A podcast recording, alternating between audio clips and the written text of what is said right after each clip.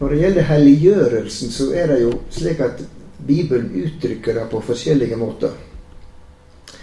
Vi har jo sett en del her på det å bli dreven av Ånden. Um, Efeserbrevet taler om å bli fylt av Ånden, og så regnes det opp en, en god del gode, fine frukter av det. Eh, Kolosserbrevet 3,16 sier omtrent akkurat det samme, men sier 'la Kristi ord få rikelig rom hjå. Eh, så det å være dreven av Guds ånd og fylt av Guds ånd, og det å la bibelordet få rom seg, det går veldig mye ut på det samme.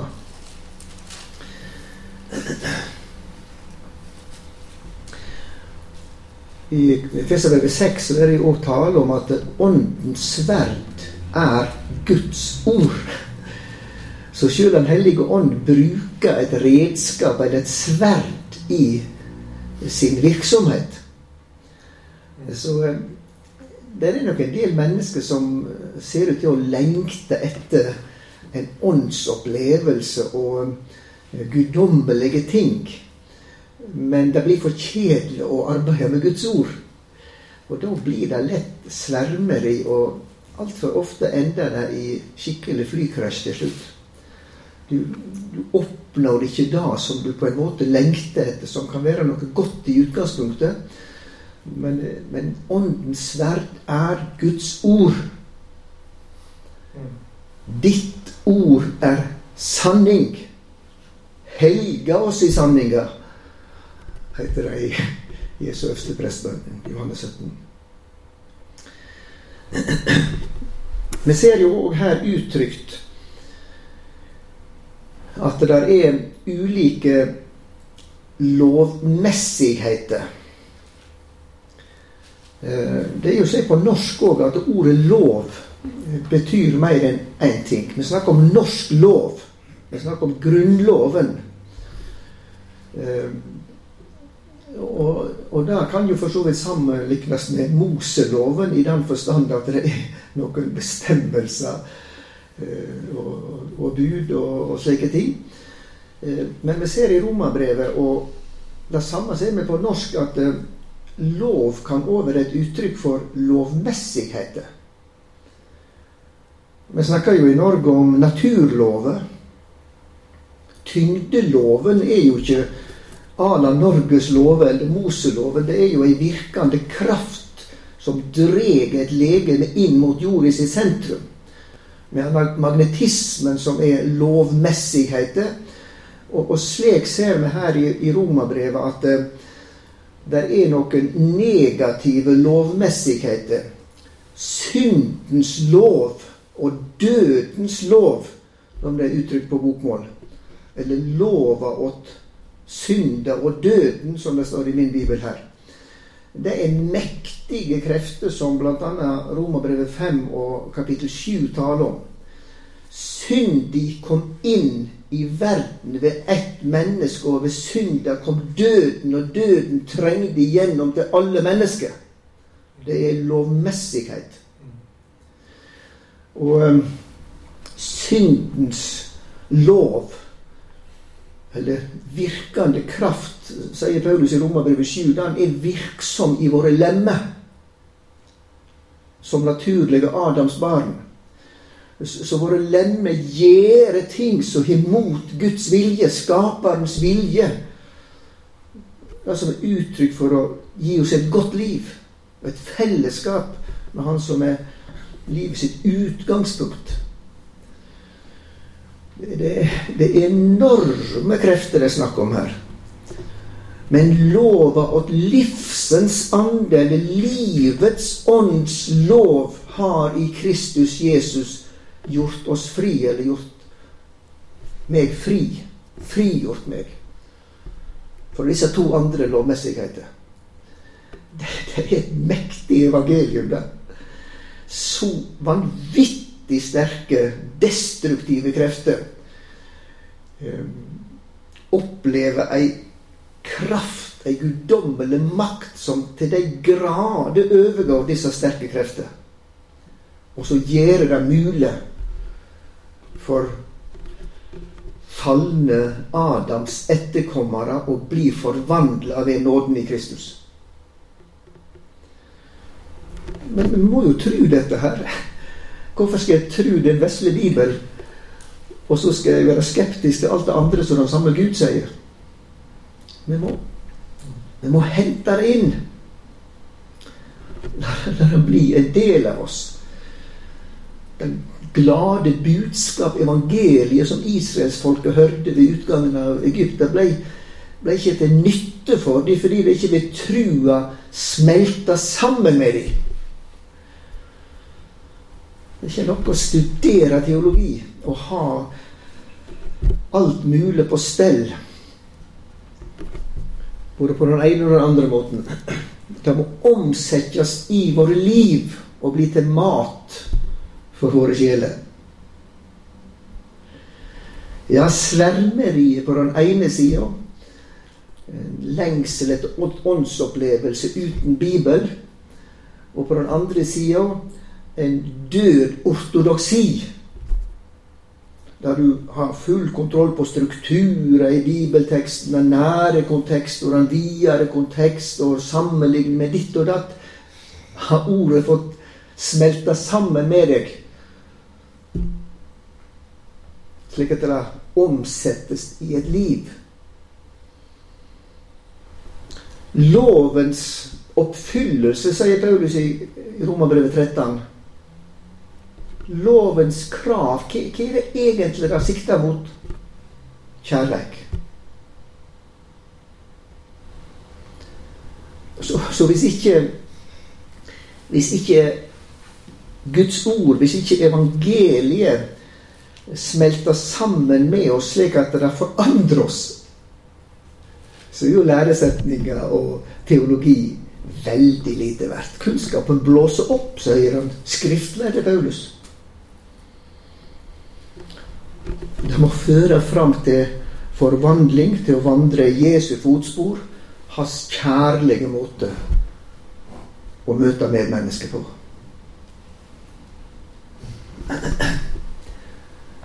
Andens frukt, kjærlighet, glede, fred osv., heter det i Galaterbrevet 5. Mot slike er ikke lova. Nei, nei. Det er ikke krasj mellom andens frukt og det som loven krever. Det er bare at andens frukt vokser ikke fram ved lovens push. Den vokser fram i relasjon med Jesus. Det er det da det dreier seg om her i, i Romerbrevet 6-8. Og, og der er det utrolig mye trøstefulle ting. Vi skal arbeide oss litt videre og, og se på hvordan livets ånds lov og at livsens ande eh, utfører ting med oss mennesker som vil høre Jesus til.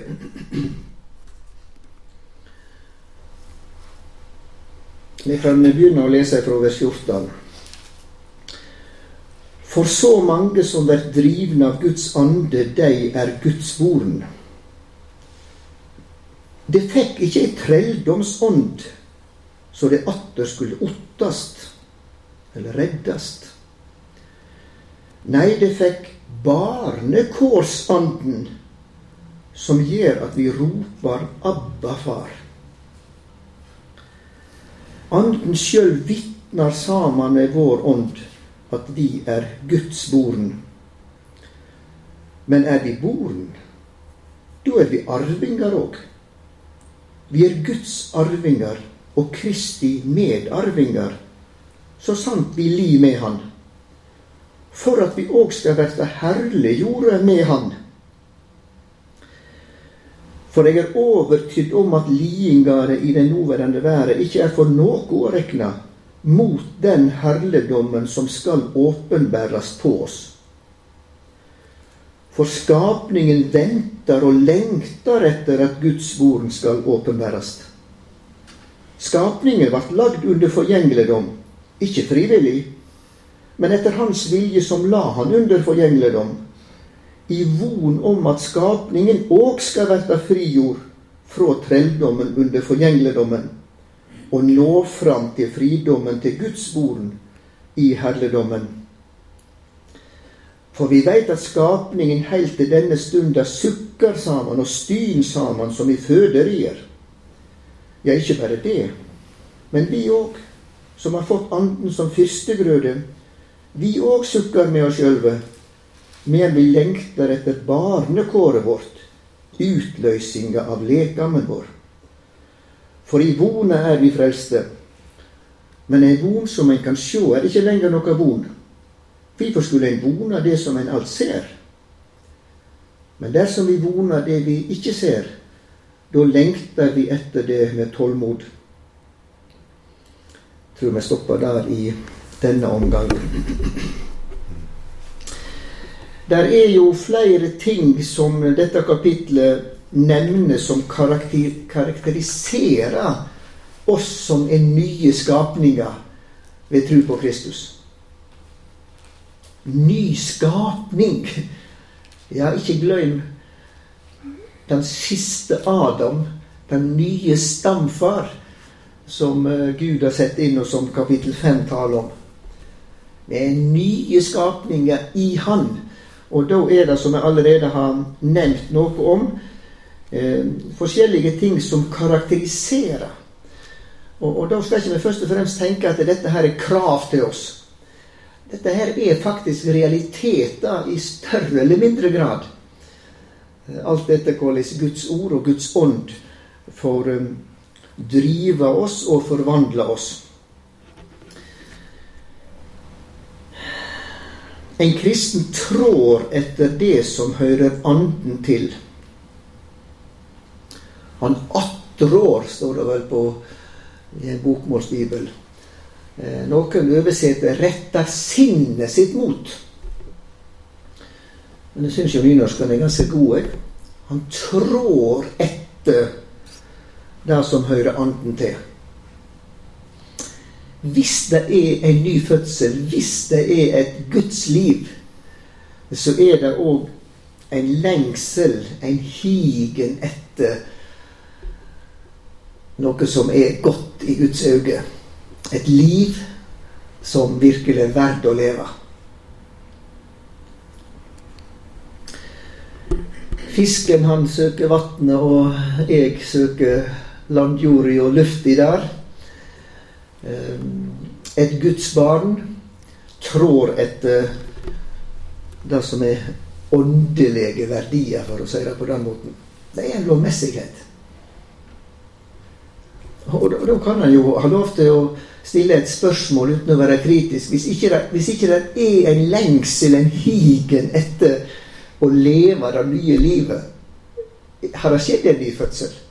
Nei, dette, dette karakteriserer den som er blitt et Guds barn. Så var det innom et Guds barn vandrer eller lever etter anden. Det er ikke bare at han lengter etter det, men han forsøker å få det gjennomført i sitt liv. Eh, det betyr ikke at ikke det går galt for oss. Vi snubler. Vi feller i synd. Vi lir nederlag. Så det som er, er typisk for oss eh, pga. den gamle natur, eh, det, det ligger der jeg er jo en hissigpropp, egentlig. Det er en av mine svakheter. Og kan ødelegge ganske mye med det. Og, og da må jeg jobbe med å, å be om nåde og kraft og visdom til at ikke det er det som preger livet mitt. Og selv om det tyter fram, så, så, så vil jeg ikke at det, dette skal være mitt livsmønster. Ok?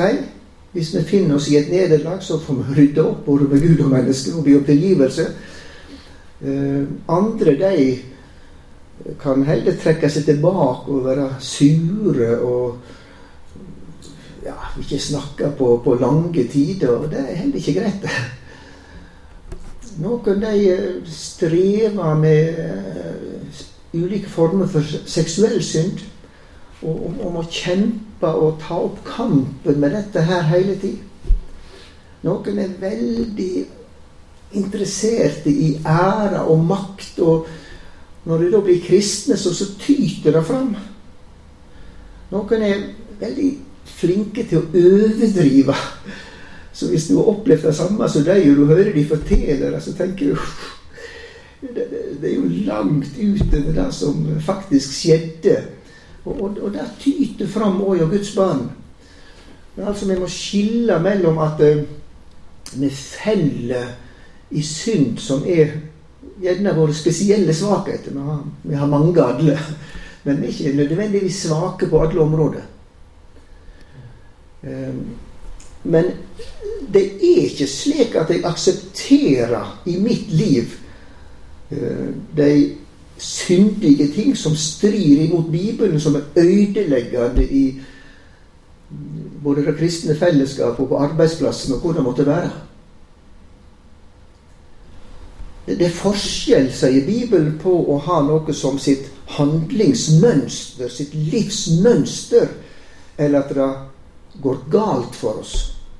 Det er noe som er punktuelt, med feller, og det er noe som er et mønster. Og ikke minst 1. Johannes brev skiller veldig mellom dette her. Du kan skille et Guds barn og et djevelens barn på dette her om han synder eller ikke. Men da er det en form som uttrykker at du, du aksepterer det som en levemåte. Mens i starten av kapittel to så uh, sier jo Johannes, mine barn, dette skriver jeg til deg så du ikke skal synde. Og om noen synder, så har vi en talsmann jo Faderen, Jesus Kristus den rettferdige. Og han er ei soning for våre synder. Er han i strid med seg sjøl? Nei, her taler han om nederlag. Kanskje litt mer presist i nyere norske bibelomsetninger enn det var tidligere. Det bare sto 'synder' på begge plasser. Men, men det, det, er tydeligere i, i grunnteksten at eh, noe det er noe vedvarende, noe gjentagende, mens det andre det er noe punktuelt. Det er en stor forskjell på. Men det som karakteriserer et et sant Guds barn, det er at han lever etter anden. Lever etter åndens sverd, som er Guds ord. Vandre i ånden. Bibelen bruker mye dette uttrykket 'å vandre'. Verdikalle, som Efeserbrevet uttrykker i kapittel 4 i begynnelsen der. For det tredje så ser vi at eh, det er karakteristisk at eh, et Guds barn har en relasjon til Gud nettopp som et barn-far-forhold.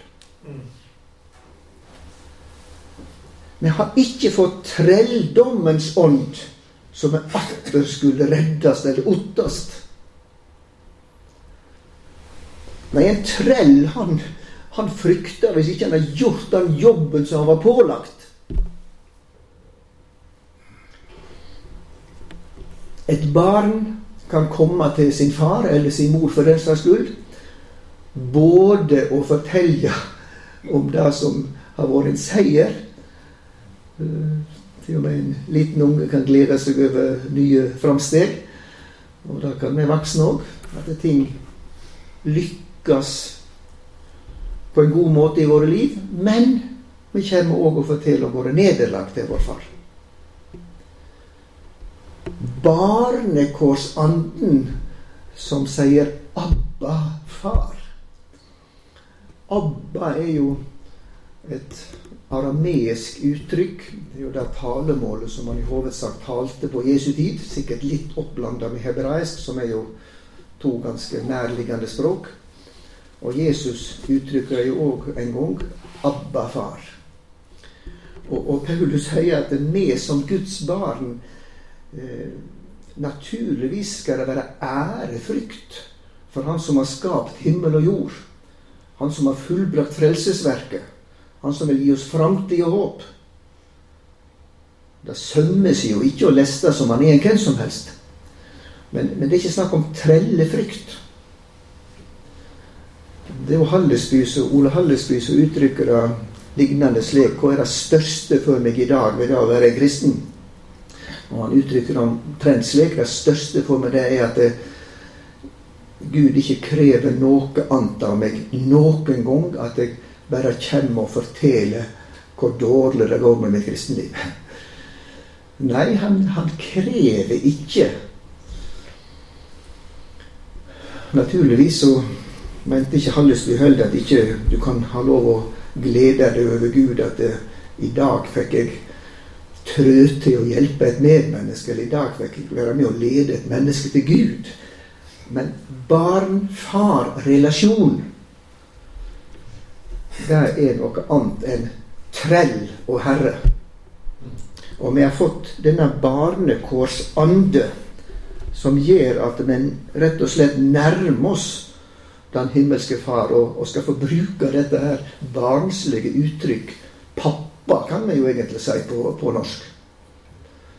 Abba og Imma sier de på hebraisk. Vi sier mamma og pappa. Du hører det er jo noe av det samme lydene. Så er noe av det første en liten unge klarer å si. Det er vel derfor de har valgt å bruke det på far og mor. Fordi at det skal være det første de klarer å si. Men, men dette uttrykker noe av den nære og varme og trygge relasjonen. Et fjerde punkt som vi ser her, det er at det er en lengsel etter den frihet i den kommende herligdom som Bibelen utbroderer for oss. Ja, det er, er, noen sukk etter dette her der framme. Nei, det er ikke slik at vi skal drømme oss vekk fra virkeligheten og, og, og bli handlingslamma eller ikke uh, ta tak og, og, gjøre et uh, godt stykke arbeid her i verden, òg som kristne. Det går meget godt an. Det er faktisk det naturlige at han har et fokus på det som venter et Guds barn. For vi er Guds arvinger fordi vi er Guds barn. Og Kristi medarvinger. Altså, men vi skjønner jo veldig lite av hvor enorme sannheter som ligger i å være en Jesu Kristi medarving. Men denne her lengselen eh, er naturlig for et Guds barn. Jeg må jo innrømme at jeg kjenner jo litt på en uro. At uh, det er en tendens i en del sammenheng at, at det å bygge menighet, det er det vi er opptatt av. Og det dreier alt seg om. og og, og forkynnelse som går på um, Jesu gjenkomst og himmelen og herligdommen som venter, slike ting. Eh, det er ikke veldig interessant. Nei, det skal jo være en, en sunn balanse mellom ting, men han ser jo at i vekkelsestid, og der det skjer gode ting, der kommer òg dette med himmelhåp og budskapet om Jesus snarlige gjenkomst ofte veldig sterkt inn. Og, og det er òg med å pushe i en god retning. Eh, kanskje tiden heretter ikke er så lang. Vi må bruke den beleilige tid. Vi må be for våre kjære. Og vi må våke over de øyeblikk der vi kan få gjort noe godt, eller sagt noe godt. Eh, det er jo, så Når Paulus kommer inn på dette, her, så, så, så, trekker han jo inn flere ting her. så Vi kan jo godt si at det er parenteser eller innskudd, men det er jo slettes ikke uviktige ting. Hvis vi går inn her og, og tar for oss litt ting for ting her Jeg kan lese fra over 17. Men er vi i bord, da er vi arvinger òg. Vi er Guds arvinger og Kristi medarvinger, så sant vi li med Han, for at vi òg skal verte herliggjorde med Han. For jeg er overtydd om at lidingane i det nåværende været ikke er for noe å rekne mot den herligdommen som skal åpenbæres på oss. For skapningen venter og lengter etter at Guds boden skal åpenbæres.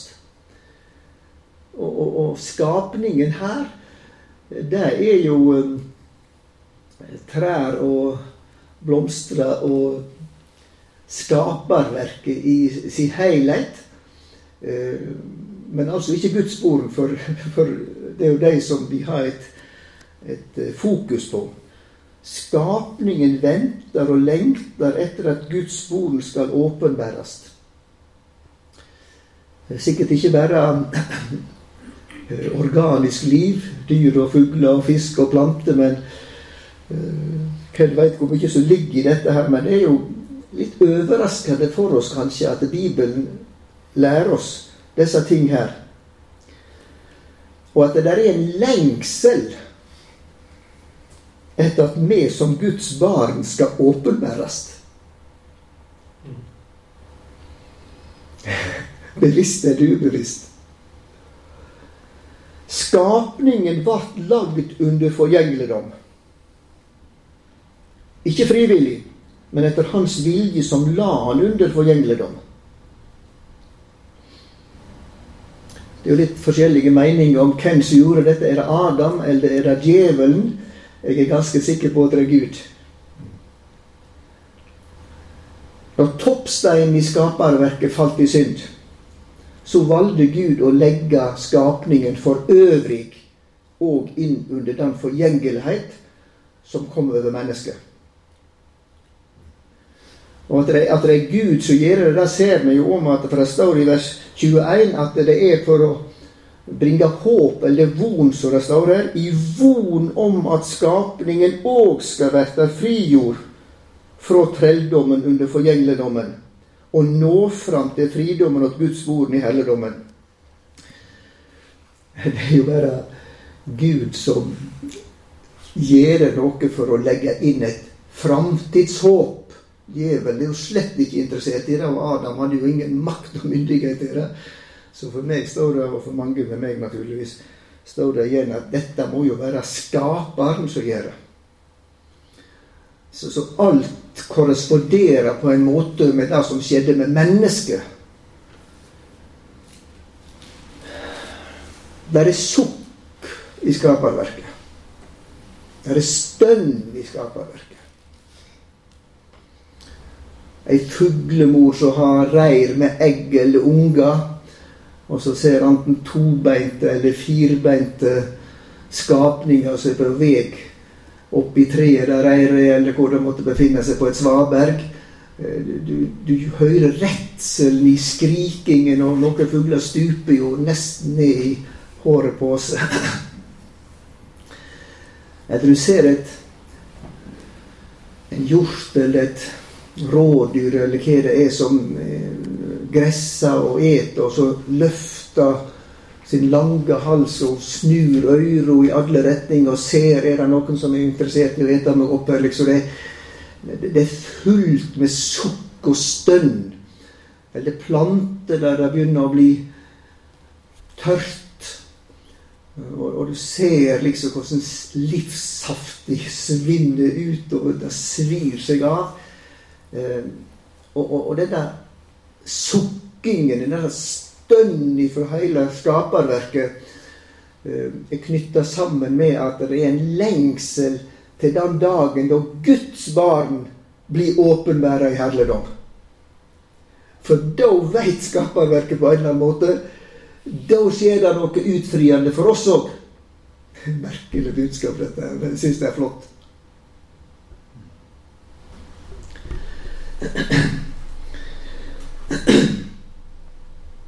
I vers 18 står det den herligdommen som skal åpenbæres på oss.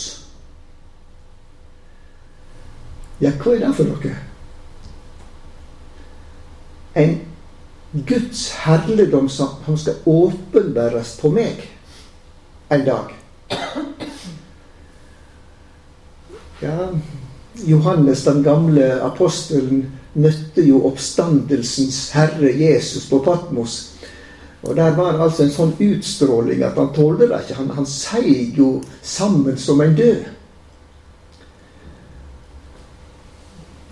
Og vi veit at når Han åpenbærer seg, da skal vi verte Han like, for vi skal sjå Han slik Han er. Etter det i Johannes brev 3. Eh, ganske i begynnelsen der.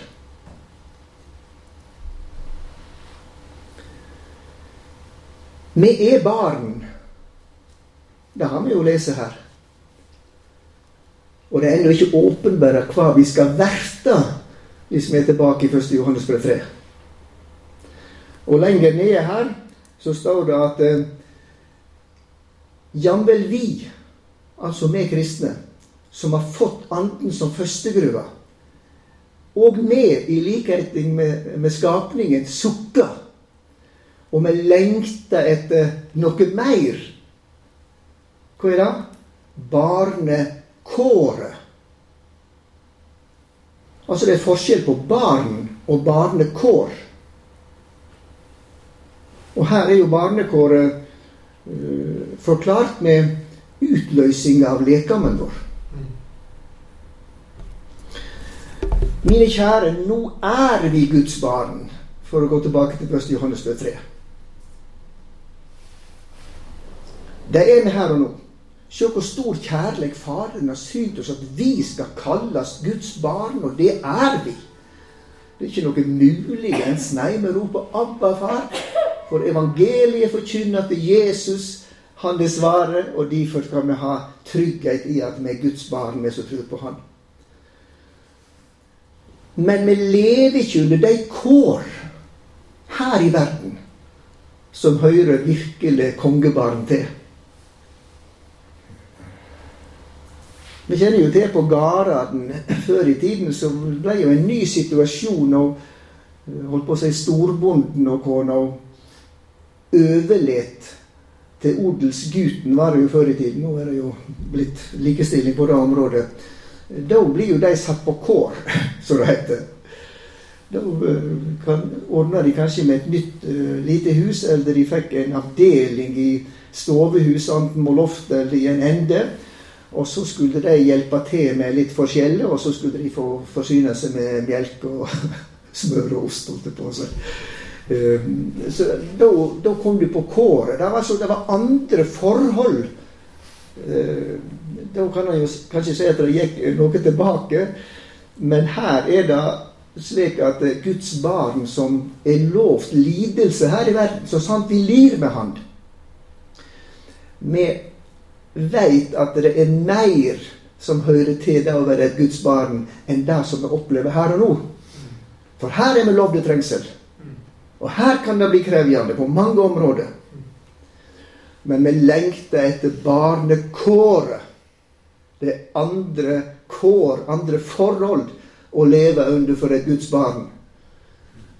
Når denne herligdommen blir åpenbæra på oss. Og ikke bare det, men Guds barn skal åpenbæres. Det må jo være for andre, da, om det er makt og myndighet i den usynlige verden og mennesker. Det kan vel være begge deler. Det skal bli saker, da. Å sjå hva Gud har gjort ut av et syndig menneske. Og så skal disse frelste mennesker en dag, som Gud har eh, lagt sin herligdom på, skal åpenbærast, bli gjort synlige i verden. Jeg ser jo liksom for meg at denne der stakkars alkoholikeren som Han ble nå visst litt sånn religiøst interessert på, på, sine gamle dager. Og så ser du hva Gud har gjort ut av et menneske som lar seg frelse. Og, og hele skapningen lengter etter den dagen når Guds barn skal åpenbæres. Det er ikke pusler i dette her, folkens. Vi kan godt sette oss inn i det som har med vårt håp å gjøre.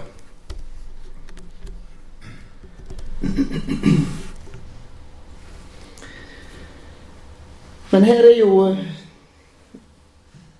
her er jo flere ting som, som Paulus kommer inn på her. Vi held føre at lidinga her den er ikke for noe å rekne mot den herligdommen som skal åpenbæres på oss. Jeg ser jo liksom for meg at han holder på med ei, ei skålvekt her. Og så plasserer han lidelsene her i verden for et Guds barn i den ene skåla. Og så plasserer han herligdommen som venter en kristen der framme. Og da er det åpenbart at det, det blir en veldig bevegelse på vekta. Denne armen han bare vipper ned. Det som er tyngst, det er herligdommen som venter Guds barn, som skal åpenbæres på oss. Og det skader ikke når denne mannen skriver dette her og setter seg litt inn i Har han prøvd noe smertefullt? Har han prøvd noe lidelse? Eller er det bare lettvint snakk for han? Han øh, føler seg jo tvungen til å skrive noe i, i 2. Korinterbrev 11. Jeg tror vi skal ta tid til å kikke på dette, her, så kan legge litt mer vekt til budskapet hans her. Det er jo noen falske lærere som har sneket seg inn og gir seg ut for å være noe veldig stort. Og Det er i den sammenheng da at Paulus må presentere seg sjøl litt tydeligere for dem. I vers 21 med skam sier det. Siden vi tykkes å ha vært så veike. Men det andre våger å rose seg av, nå taler det som en dåre, det våger vel òg jeg eller jeg òg å rose meg av. Er de hebreere? Hebreere? Jeg òg. Er de israelitter? Jeg òg. Er de av Abrahams ett? Jeg òg. Er de Kristi tjenere? Jeg taler i vanvidd. Jeg er det enda mer. Jeg har arbeidet mer. Jeg har fått flere slag. Jeg har vært flere ganger i fengsel. Jeg har ofte vært i dødsfare. Jødene har fem ganger gjeve meg 40 slag på ett nær. Ja, det er jo de piskeslag som Jesus opplevde for Pilatus. 40 slag. Men for å sikre seg at ikke de gikk over streken, så enda de på 39. Og så sier de i vers 25 tre ganger har jeg blitt hudfletta. Jeg vet ikke helt hva som er den store forskjellen, men det er altså fem pluss tre sånne omganger da. Så han bar virkelig merke på kroppen sin.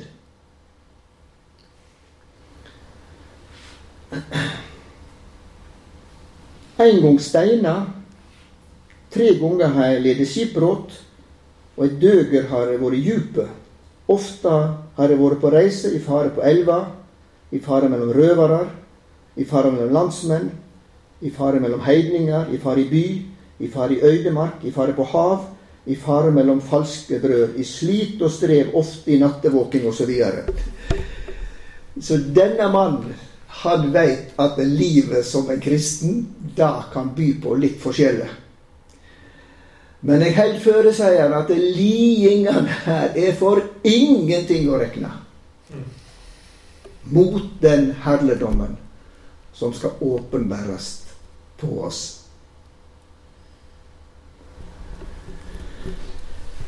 Jeg må vel bare konstatere at vi ikke kom lenger i kveld.